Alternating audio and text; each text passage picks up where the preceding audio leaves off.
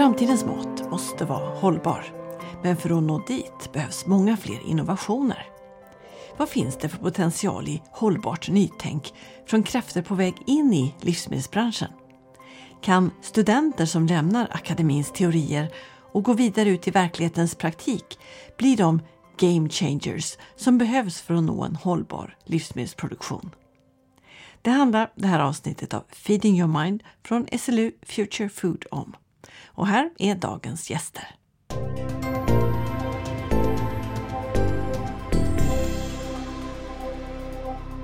Fredrik Fernqvist på SLU i Alnarp, eh, kursansvarig för utbildningen projektledning för innovation i hållbara livsmedelssystem. Hej! Hej, hej! Vad är det här för en kurs? Det här är en kurs i eh, projektledning och ledning och tanken är att eh, studenterna ska få praktisk erfarenhet av att jobba med projekt och eh, innovationsprojekt i synnerhet.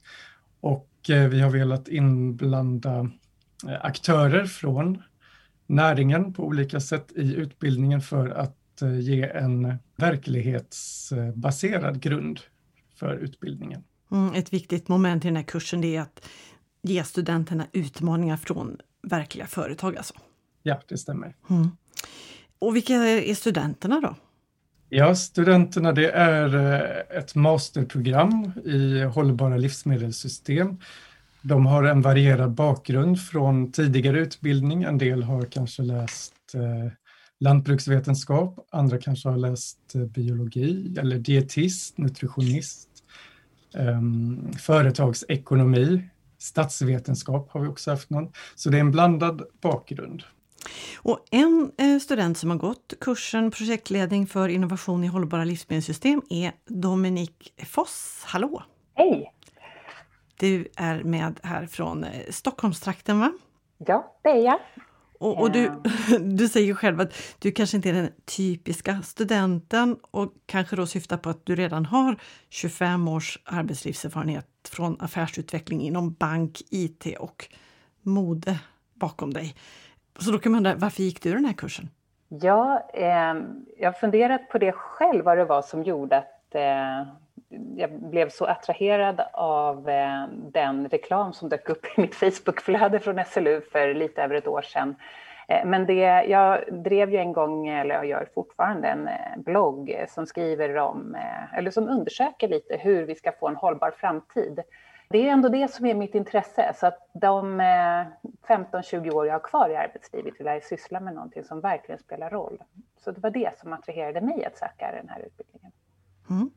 Och en student till är med, Oskar Abelin. Och du är med från eh, Skåne? Nej, Stockholm faktiskt. Stockholm? Men du mm. har läst i Lund? Ja, precis. Och du har inte hunnit få 25 års arbetslivserfarenhet än? Men eh, Nej. precis som för Dominik så är ekonomi ditt huvudämne? Ja, men precis. Läser tre år i Lund och har väl på senare år fått ett väldigt stort fascinerande över mat och drycktrender och eh, jobbat mycket i en matbutik, Hemköp och eh, där då ja, fattat väldigt stort intresse för de olika mat och drycktrender och hur eh, det hänger ihop och marknadsföring och så vidare. Så att eh, jag bestämde mig för att jag ville jobba inom livsmedelsindustrin och eh, eh var väldigt glad över att hitta den här mastern då så att säga.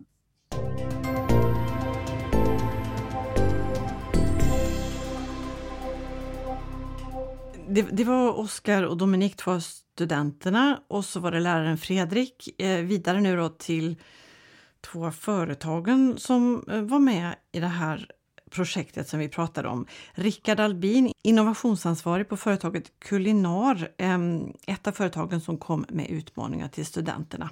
Hej och välkommen! Hej och tack! Du, eh, vad gör företaget Kulinar?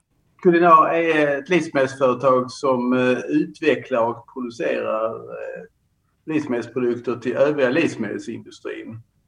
Det kan vara en ytkrydda till ett potatischips till eh, en lakemix till kött och charkindustrin och så vidare. Det kan vara en sås eller en soppa eller olika delar som sen slutförädlas hos en livsmedelstillverkare. Mm. Och sist in i det här poddavsnittet då Håkan Jonsson som är VD på Kalmar Ölands trädgårdsprodukter. Hallå! Hallå, hallå! Är du i, i Kalmar eller på Öland? Jag är på Öland. och era trädgårdsprodukter lite närmare bestämt, vad är det? Vi är en leverantör in till livsmedelsindustrin kan man säga då. Eh, vi jobbar idag med fyra olika grödor. Det är lök, potatis och eh, bönor och ärtor. Vi har funnits sedan 59, så vi har några år på nacken.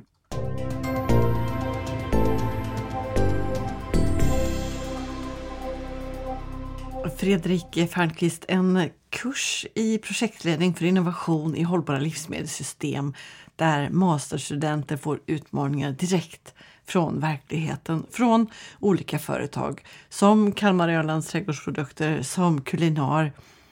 Den stora poängen med det, det är lite att, att möta världen utan facit och, och möta det oförutsedda. Ja, den stora poängen är att man ska få göra någonting med koppling till ett företag. Någon typ av utmaning som på någon, något sätt eh, återspeglar verkligheten genom att det är inte alltid helt förutsägbart vad som kan hända i verkligheten. På universiteten har man ju ingångspunkten att det finns ett rätt svar oftast. Man lär sig till en tenta om man ska skriva rätt på sin tenta, men när man väl är ute i arbetslivet så kanske man ställs inför utmaningar där det kan finnas flera olika lösningar. Det kan eh, få konsekvenser på andra eh, saker runt omkring. Det är ett dynamiskt eh, system. Det finns inget rätt svar kanske alltid, utan man får testa och se vad som händer eventuellt. Så vad tillför det studenterna, tänker du, att liksom lämna teorin och lite mer slängas ut i praktiken, verkligheten?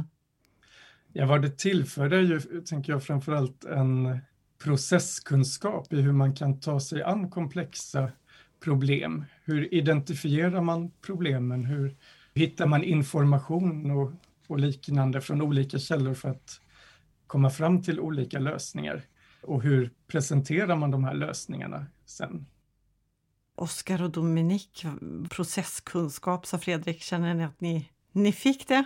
Ja, det tycker jag. Jag tycker eh, faktiskt att det var en helt fantastisk möjlighet att eh, få träffa ett riktigt företag och liksom få möjligheten att vira de här nya kunskaperna som, och tankarna liksom kring vad vi har lärt oss i den här SLU-utbildningen om innovation i matindustrin och tillämpa det på ett riktigt företag och utvecklingen av deras innovationer. Det gav också självförtroende kring mina nya kunskaper och, och också en fantastisk möjlighet att få sätta sig in i ett riktigt företag och förstå liksom deras utmaningar. Och även vad jag kanske kan bidra med när utbildningen är liksom genomförd, så att säga. Oskar, vad säger du? Ja, men jag kan instämma med eh, Dominik och just det här med att jobba under en ganska kort tidsram eh, med eh, ett visst project management-tänk då tillförde väldigt mycket. Och just få att bli hands-on med arbetsuppgiften och själv ta kontakt med massa olika aktörer inom industrin var, var väldigt givande. Och ni var ju indelade i grupper när ni gjorde detta. Så Oskar, din grupp eh, Just in time hette er rapport. Lite vitsigt där, där time betyder timjan, för det handlar om kryddor. Och var företaget Kulinar då. V vad var det ni eh, arbetade fram? Ja, det handlade om eh, förädlingsprocessen framför allt av just örter då. Eh, det finns ju stor produktion idag i Sverige av örter, men vi skulle då försöka hitta en egentligen en mellanhand som skulle kunna hjälpa eh, Kulinar att förädla eh, dessa kryddor eller örter. Vi hade ganska fria tyglar över att försöka eh, hitta en mellanhand som kan hjälpa till i den här förädlingsprocessen då, från primärproduktionen till förpackning och leverans. Och hur gick det då, tycker ni själva? Det var, det var en stor utmaning med tanke på att det är ett, ett verkligt problem som de själva tacklas med idag. Eh, så att det, var, det var väldigt svårt eh, och vi fick eh, pratade med flera olika aktörer inom livsmedelskedjan där. Och eh, i slutändan så handlar det väldigt mycket om, om prislapp och vem som ska ta prislappen. det, det handlade mycket om olika skalor på produktionen och förädlingen eh, och i vilken eh, ände man vill börja. Så att eh, ja, det var lite olika lösningar vi kom fram till som eh, helt enkelt Kulinar får, fick kika på. Mm. Och, och Rickard Albin på Kulinar, ni som tog emot det här då, eh, vad, vad, säger du om resultatet? Var det något ni kan ha användning för eller var det mest för studenterna som det här var en spännande övning? Nej, absolut inte. Vi, eh, jag välkomnar verkligen det här initiativet. BP Kulinar har jobbat så här ett antal år. Vi har jobbat med olika både internationella och nationella masterprojekt där vi under en begränsad tid, rätt så kort kondenserad tid med hjälp av de här tvärfunktionella grupperna får en uppgift eh, som de hittar olika lösningar på. Och eh, detta var ett eh, fantastiskt bra genomfört arbete också som har gett oss mycket. Och det som Oskar berättade, uppgiften var ju att hitta de här processerna i förädlingsledet från primärproduktionen till livsmedelsindustrin. Från färsk till torkad. Och det låter som en enkel sak men eh, det är just de här förädlingssteget från primärproduktion till livsmedelsindustrin som saknas i detta landet tyvärr. Du sitter ju till vardags och hela tiden som innovationsansvarig på ert företag. Men skulle du säga, för att tänka nytt i nya banor och innovativt och så, är det, är det bäst den med initierad inifrån blick eller den som kommer utifrån och bara ser det med en helt ny blick? Alltså var, var finns det bästa innovationstänket att hitta tror du? de, de största innovationerna görs inte själv i en kammare utan det görs genom att samarbeta. Och just det här sättet som det här projektet eh, och andra projekt som jag sagt och jobbat med där man sätter samman duktiga personer med olika bakgrund och olika kompetenser under en begränsad tid med en, en given uppgift kan göra väldigt stor skillnad.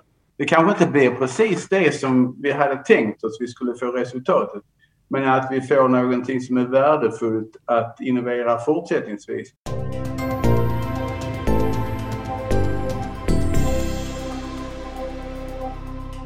Du lyssnar på en podd från SLU Future Food. Dominik, då, din grupp och er utmaning, vad var det ni jobbar med?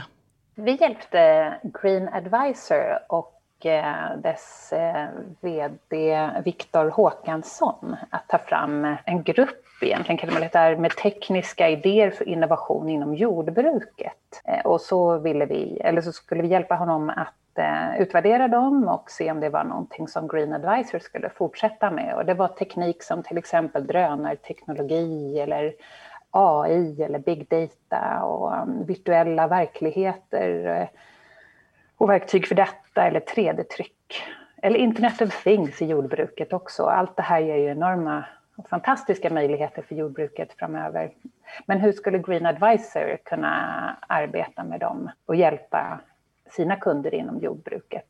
Mm. Så det var vårt uppdrag. Och det är ett eh, rådgivningsföretag då alltså? Ja, det kan man säga. De är som en länk Green Advisor är en länk mellan jordbrukare och alla de supportföretag som supportar en jordbrukare idag. Så ni landar ju i ett fält som verkar ganska aktivt redan vad gäller eh, innovationer där med Internet of Things och, och drönare och 3D-printrar och så. Men ja. vad visste du om den här branschen från början? Eh, det, jag visste inte jättemycket om den. Jag har själv lite erfarenhet eh, från AI och big data, men när vi grävde i det, men jag hade inte sett det tillämpat på just jordbruk och matindustrin. Så det var väldigt spännande att få göra den djupdykningen och se hur just från eh, Green Advisors perspektiv hur det skulle kunna hjälpa dem att hjälpa sina kunder och intressenter. Men att komma in i detta då utan att kunna branschen från början och ha den här utmaningen, den här uppgiften. Kände du att det startade liksom lite innovativa processer hos er själva i, i gruppen? Man, man brukar ju säga att övning ger färdighet. Ja, det tycker jag. Vi fick ju väldigt snabbt en enorm, liksom så här, ganska bred insyn i alla fall i vilket håll jordbruket skulle kunna gå. och vilka hinder som finns speciellt i Sverige till exempel jämfört med i Asien. Jag tänker till exempel på drönarteknik eh, som ju kan uppfattas som integritetskränkande och, och som då begränsas i Sverige och i USA också fortfarande. Men i Asien så är det, i många länder i Asien är det fritt fram att använda den. Eh, vilket också kan påverka konkurrenskraften mellan länderna. Vilket är intressant också. Så det gav många intressanta insikter.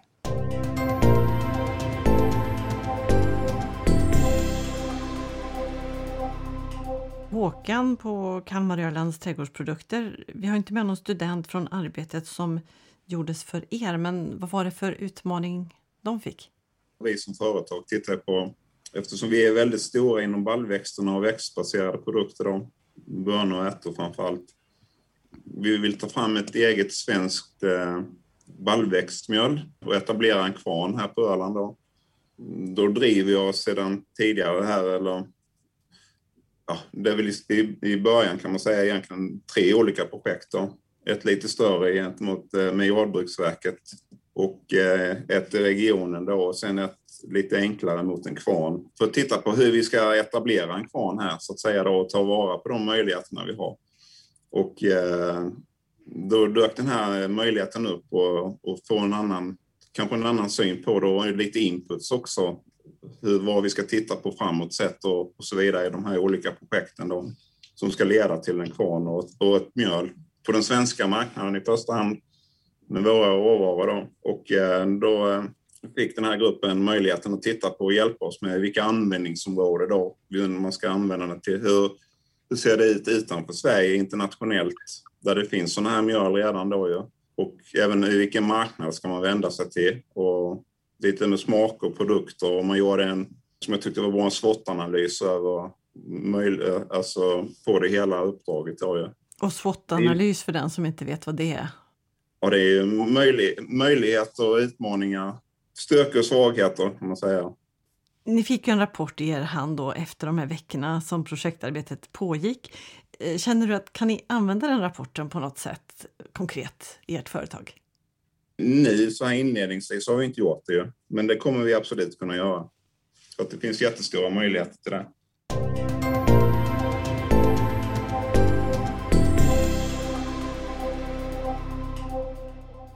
Så här långt har vi pratat om specifika utmaningar till specifika företag som studenterna Oskar och Dominik med flera fick. Men generellt, Fredrik Fernqvist, hur är innovationstakten kring hållbara livsmedelssystem i Sverige idag? Alltså jag tror att eh, det händer en hel del i Sverige idag, men sen är det också så att eh, både lantbruk och det som man kallar för agri-food och det har ju egentligen en ganska låg innovationsgrad jämfört med andra sektorer. Men jag tror att det är någonting som kanske håller på att förändras nu, att det går snabbare, att det händer mer saker. Man märker ganska mycket av det och, det och, kanske också att man nu har även stöd genom den här livsmedelsstrategin och, och liknande som faktiskt eh, syftar till att främja innovation i den här branschen. Håkan på Kalmar Ölands trädgårdsprodukter, du, du, håller med om det här tror jag, att det är inte så hög innovationstakt i livsmedelsbranschen? Ja, det gör jag. Det är ju verkligen, den är ju väldigt låg. Vad det gäller tekniska prylar och mobiler och så vidare så ligger vi i, i toppen i Sverige, eh, i Europa. Tittar vi på livsmedel så ligger vi 14 plats då i Europa. Så att det, det finns väldigt mycket att göra där. Men det här att det inte är så hög innovationstakt i den här branschen, men varför då? Ja, jag vet inte. Det är jättekonstigt i det hela. Det är väl den tredje största egentligen eh, vad det gäller arbete och, och så vidare runt omkring just. Det behövs jättemycket så att säga om man, framåt sett och vi ska ta och vara med på ett helt annat sätt mot övriga, övriga världen också och så vidare. Och man kommer väl att ställa sig inför det också i framtiden. Hur, nu, vi satsar ju väldigt mycket på Sverige här i vårt företag då, men det kommer ju bli brist på mat i världen så att säga, så vi kommer ju få, få även eh, förfrågningar från utlandet på ett helt annat sätt. Ju. Och då måste vi också vara väldigt bra fram, framåt sett. Och typ, jag vet inte om jag kan få tag på en livsmedelsingenjör idag på ett bra sätt. Alltså det saknas den utbildningen på, på många håll tror jag. Mm. Eh, Rickard på Kulinar, då, du, du som sitter som innovationsansvarig, håller du med om att det är inte så hög fart i innovationerna i de hållbara livsmedelssystemen? Ja, jag ser tydliga tecken på att det håller på att förändras, Mm. vilket är glädjande. Jag har under hela min... Jag har jobbat med livsmedel i hela mitt liv och jag skulle säga att det är först de senaste sex sju åren som trösklarna mellan akademi och industri har sänkts. Eh, jag tror vi har jobbat alldeles för lite mellan akademi och industri i detta landet. Nu öppnar sig dörrarna på ett helt annat sätt. Och, både, och jag tror att eh, det kommer att gynna oss enormt mycket för eh, där finns i livsmedelsindustrin en viss rädsla för akademin och omvänt så har det varit svårt att få komma till att göra försök och, och få gjort projekt hos akademin, vilket eh, är mycket lättare idag. Så jag, jag ser eh, tillförsikt på framtiden, att det kommer att bli mycket bättre framöver. Men, men du, vad var det som hände då, då för fem, sex år sedan när du sa att då började det ta fart på ett annat sätt? Ja, jag, jag tror mycket av, många av de utlysningar som är Formas-utlysningar, Vinnova-utlysningar och allting sånt idag, där kräver de att det ska vara industrirepresentanter med. Och jag tror det är bra att göra det för att då tvingas vi inom citationstecken att jobba tillsammans mycket mer. På så sätt så får akademin eh, reda på de utmaningar som är i livsmedelsindustrin på ett annat sätt. Och vi kommer kunna jobba mycket närmare varandra. Så jag tror det är det som är den stora skillnaden, att utlysningarna har, kräver industripartners med. Vad tänker du om det, Håkan? Ja, nej, men jag håller med Rickard där ju. Men det är också att vi måste komma närmare varandra. Alltså vi är en leverantör in till industrin idag. Vi måste prata med varandra och det måste bli många mer som tar ansvar i det hela. Alltså man är ju van, handeln är ju van att det kommer om man presenterar en produkt och då måste man kunna diskutera, ska vi ta fram en ny gröda här på eh, växtbaserat som är jätte, alltså det kan ta tre, fyra år kanske innan vi har en ny framme och då måste man ha den diskussionen då med både de stora grossisterna mot handeln ute och även mot eh, företag då som exempelvis att vi sätter oss ner. Jag skulle kunna sätta mig ner med Rickard och diskutera hur gör vi tillsammans för att få fram någonting. att man är transparent med varandra i det läget och att man Idag är det vi som tar risken och likadant mot bönderna då, eller odlarna där ute, måste man också säkra upp det på ett helt annat sätt än vad man gör idag. Till slutändan så är det ändå priset som styr. Alltså, alla är positiva till det och vill vara med, eller många är det. Men när man väl kommer, alltså kostar det, nej men då köper man hellre en, en böna från Kina. Det är inte klokt. Ja. Jag håller helt med Håkan här att jag tror samarbete är nyckelordet. Och eh, om man tittar på alla branscher som har varit framgångsrika, både i detta landet och i andra länder, är de branscher där man har gått samman och samarbetat. Och jag, jag tycker jag ser ljusare tider att vi har mer... Den, den tiden är förbi. Att vi har så mycket med här med patent och allting sånt. Det är bättre att samarbeta. Vi kommer mycket snabbare. Och det gäller mellan olika företag, det gäller mellan företag och, och akademi. Men inte minst inom akademin för att Sveriges olika lärosäten, högskolor och universitet har jättebra samarbete med internationella universitet. Betydligt sämre mellan olika lärosäten och universitet inom Sverige. Och sämst är det på ett och samma lärosäte. Så samarbete är nyckelordet.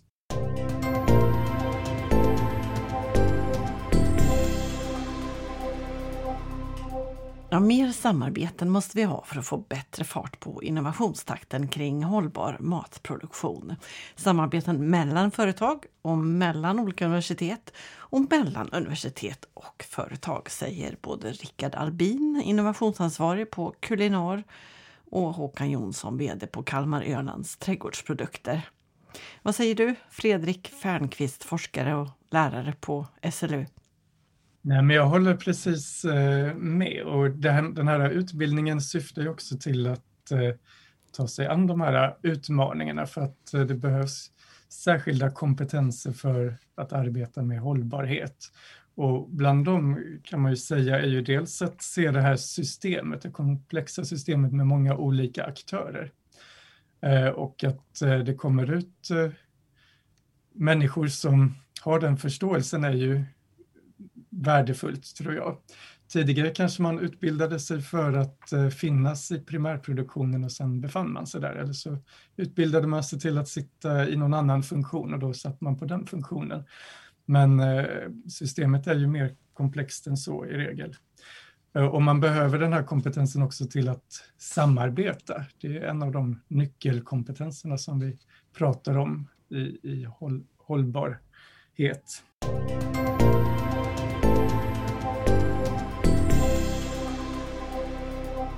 Bara sex veckors projekttid på en kurs. Um, inte så lång tid att komma med värdefull input kring innovationer för hållbar livsmedelsproduktion kanske? Eller vad säger du, Rickard Albin på Kulinar? Jag, jag, tror ju mycket på den här eh, tekniken att om man har i alla fall eh, tillgänglig information från uppdragsgivaren så, till projektet. Optimal tid är nog åtta veckor, som jag skulle eh, ta, ta två veckor till. Men om det är sex eller åtta är nog mindre betydelse. Jag har goda erfarenheter att göra en sak, eh, sätta fullt fokus på ett projekt och så jobba med det ett eh, dedikerat gäng under en begränsad tid. Vi gör så på Kulinar mycket mer nu. Istället för att sätta upp projekt som varar flera månader, år, så sätter vi till en grupp och gör det under en kort tidsperiod. Så får vi det gjort så kommer man vidare. Jag tror mycket på den Kaisertekniken eller vad den kallas. Att ha en deadline som är ganska snäv? Ja. Det blir inte bättre för man drar ut på det. Ja, det var kort tid, men eh, studenter med väldigt olika bakgrund och erfarenheter. I en sån grupp kan man också komma långt på kort tid, eller hur? Håkan Jonsson på Kalmar Ölands trädgårdsprodukter. Ja, som var i vår grupp, jag tror att det var väl, av de sex som var där så var det väl bara en från, var, från Sverige tror jag. Och de andra kom utifrån så att säga, de studenterna. Och det ger ju både mångfalden och synen att se på det och sen även då att eh, som jag tror att det är, alltså ett ganska brett åldersspann bland studenterna också. Det ger också lite andra inputs i det hela. Så att, eh, jag tycker det är jättebra. Jag tror inte heller på jättelånga projekt som du säger Rickard, utan eh, ja, åtta veckor kanske är perfekt. Det gäller att de får rätt input och de får den bästa inputen det är när de är här hos mig så att säga. Så att, eh, mm. ja, blandat eh, på många sätt som sagt, eh, både åldrar och bakgrund. Och Dominik som är i 50-årsåldern, Oskar som är i 25-årsåldern. Oskar? Ja, nej men just det här med tid så ser jag både positivt och eh, negativt. Men, men framförallt positivt. Det är klart att det var ett problem att eh, mycket tid för oss togs åt att lära känna eh, livsmedelskedjan, företaget och eh, eh, problematiken. Men eh, å andra sidan så den korta tiden gjorde att vi fick lära oss eh, att arbeta på kort tid och leverera någonting på ett visst utsatt datum. Men framförallt så tror jag också att det här med att man gör det på kort tid skapar, alltså det ger en kreativitet för att om vi hade haft för mycket förkunskap om, från insidan från Kulinar så är det kanske inte säkert att vi hade tänkt lika kreativt utan då hade man kanske det har man för mycket kunskap som tidigare så kan det vara att man stänger ute vissa idéer och jag tror att i det här projektet så är det nog väldigt nyttigt för Kulinar att, att få in idéer som är lite mer eh, radikala kanske och lite eh, vänder på lite större stenar.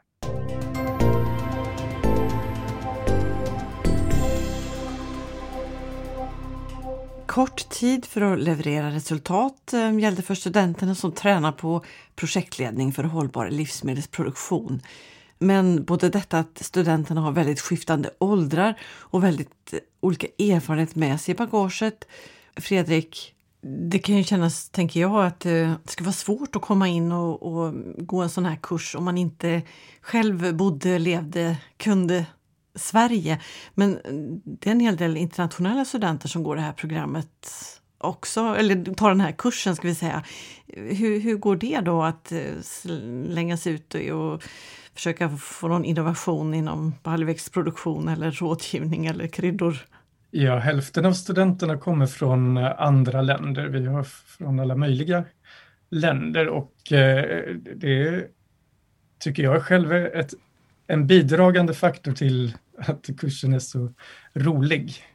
Att ha en varierad grupp, en heterogen grupp med många olika kompetenser, många olika bakgrunder tycker jag definitivt har berikat arbetet. Oskar och Dominik då, eh, vad är det viktigaste skulle ni säga som ni har fått med er framåt från den här kursen där studenter möter företag kring en konkret utmaning? Ja, jag tycker lite att jag håller nog med det Rickard sa om att, eh, att just samarbetet mellan olika parter i samhället behövs. Eh, därför att, det, som Fredrik sa också, en insikt som den här utbildningen ger är ju att det är en stor komplexitet i matsystemet. Eh, och en part kan inte ändra matsystemet ensamt, utan alla i kedjan måste vara med. Eh, och även kanske ta hjälp av andra mer neutrala partner som eh, Rickard nämnde, eh, Vinnova. Innovationers bästa vän är samverkan. Ja, det är det. Och mångfald. ja. Eh, Oskar Abelin, vad tar du med dig från att som student ha fått en utmaning från företaget Kulinar? Först och främst så tar jag med mig all den kunskap man har fått om eh, örtproduktion och förädling i, i Sverige. Och eh, det här projektet och livsmedelskedjan som vi har jobbat med. Men sen så just det som vi pratar om också det här med innovation och, och eh, hur, eh, hur samarbete är viktigt för att eh, innovationstakten ska öka. Och eh, speciellt kanske i ett sånt här livsmedel, ett livsmedelssystem där det mycket är kanske lite gammeldags ibland. Och där eh, risktagandet tenderar ibland att hamna kanske på bönderna. Ehm, och eh, som vi pratade om tidigare med risk och kostnader så innovation kräver ju att man behöver eh, testa och misslyckas och gärna göra det fort. Eh, och det är kanske inte så lätt för de som sitter på kostnaderna att göra det.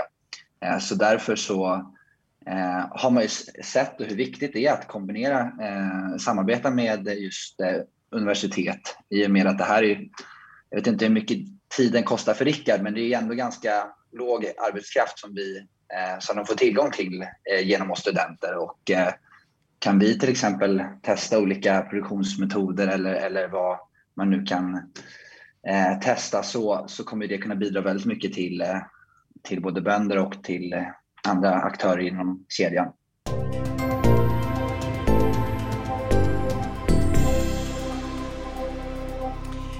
Eh, Fredrik, ordet eh, game changer det är lite modord, eh, konstaterar både du och jag. Men om man kollar upp beskrivningen av vad det ordet betyder egentligen så får jag fram ungefär att det innebär en ny faktor som dyker upp på arenan och får avgörande betydelse för den fortsatta utvecklingen. Något som i grunden ändrar spelreglerna helt enkelt. Känner du att kurser som innovation och utbildning för hållbar livsmedelsproduktion har potential att bli en sån här game changer för hållbart livsmedelssystem? Ja, jag tror att det kan förändra kanske hur man eh, arbetar sen när man kommer ut i eh, arbetslivet sen. Att man har kanske eh, eh annan typ av kunskap, man kanske har prövat på lite andra saker. Vad säger ni andra att prata om, om sån här utbildning och eh, game changer i samma mening? Är det att sikta för högt?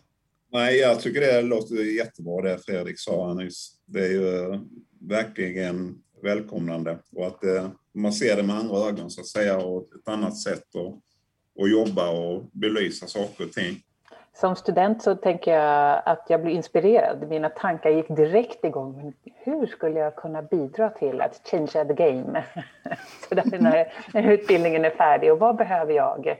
Jag, jag tycker att det är inspirerande. Eh, och ha sådana mål. Känner du detsamma, Oskar? Jag är jätteglad över den här utbildningen och eh, jag eh, tycker varje kurs har varit väldigt verksamhetsrelaterad. Och det känns som att just det här med hållbara livsmedelskedjor är ett väldigt aktuellt ämne. Så att det, det känns som att det är en bra samverkan mellan studierna och verkligheten i allmänhet just nu. Mm. Eh, men klart, game changer, eh, det är ett stort ord. Rickard Albin på Kulinor. Eh, jag tror att det är ett stort ord. Det är få game changing innovations, om nu ska prata svengelska, vad det gäller livsmedelsindustrin. Jag, jag skulle hellre säga att de, de, de största innovationerna som jag ser är oftast så oerhört enkla och geniala. jag var ute och skördade tång utanför Strömstad. Eh, där jag såg hur de satte ut de här småtången på en lina och så skulle de fästa det på ett stort rep. Och lindade detta runt det här repet på ett helt genialt sätt. Jag kan inte beskriva det så här men eh, ett så tänkte varför har ingen tänkt på detta innan? Och när man hittar en sån innovation där någon säger varför har vi inte tänkt på detta innan? Det är det, det som är en riktig innovation. Och det kan vara en enkel sak. Men, och, och det förändrar ens tillvaro men det är få saker som är game changer. Vi måste ändå hålla oss lite. Vi, som Håkan sa, vi ligger på 14 plats. Vi måste först eh, kunna krypa innan vi kan gå och sen springa. Så det är lite långt ifrån det jämfört med länder som eh, Nederländerna och Danmark och Irland och andra. Men vi jobbar på det. Och sen en annan aspekt jag har. Eh, ett, det största buzzwordet nu är ju hållbarhet. Du får ju inte en ansökan godkänd av någon, varken Vinnova eller Formas, utan det är hållbarhet i varannan mening. Och det är jättebra tycker jag. Bara man menar det, så att man inte klämmer in eh, ordet hållbarhet för att motivera en sak. Utan verkligen att det är hållbarhet bakom det också. Det där var jättebra slutord tyckte jag om inte någon annan har något klokt att tillägga. Fredrik Fernqvist? Ja, nej, jag vill bara återkoppla till vad Rickard sa om game changer, om detta är en game changer eller inte, men jag tror att eh, vi, vi börjar nu i utbildningen att försöka ta oss till nya arbetsmetoder och försöker göra någonting på något annat sätt och att det ändå kanske är ett, ett steg på vägen steget till en toppposition förhoppningsvis då.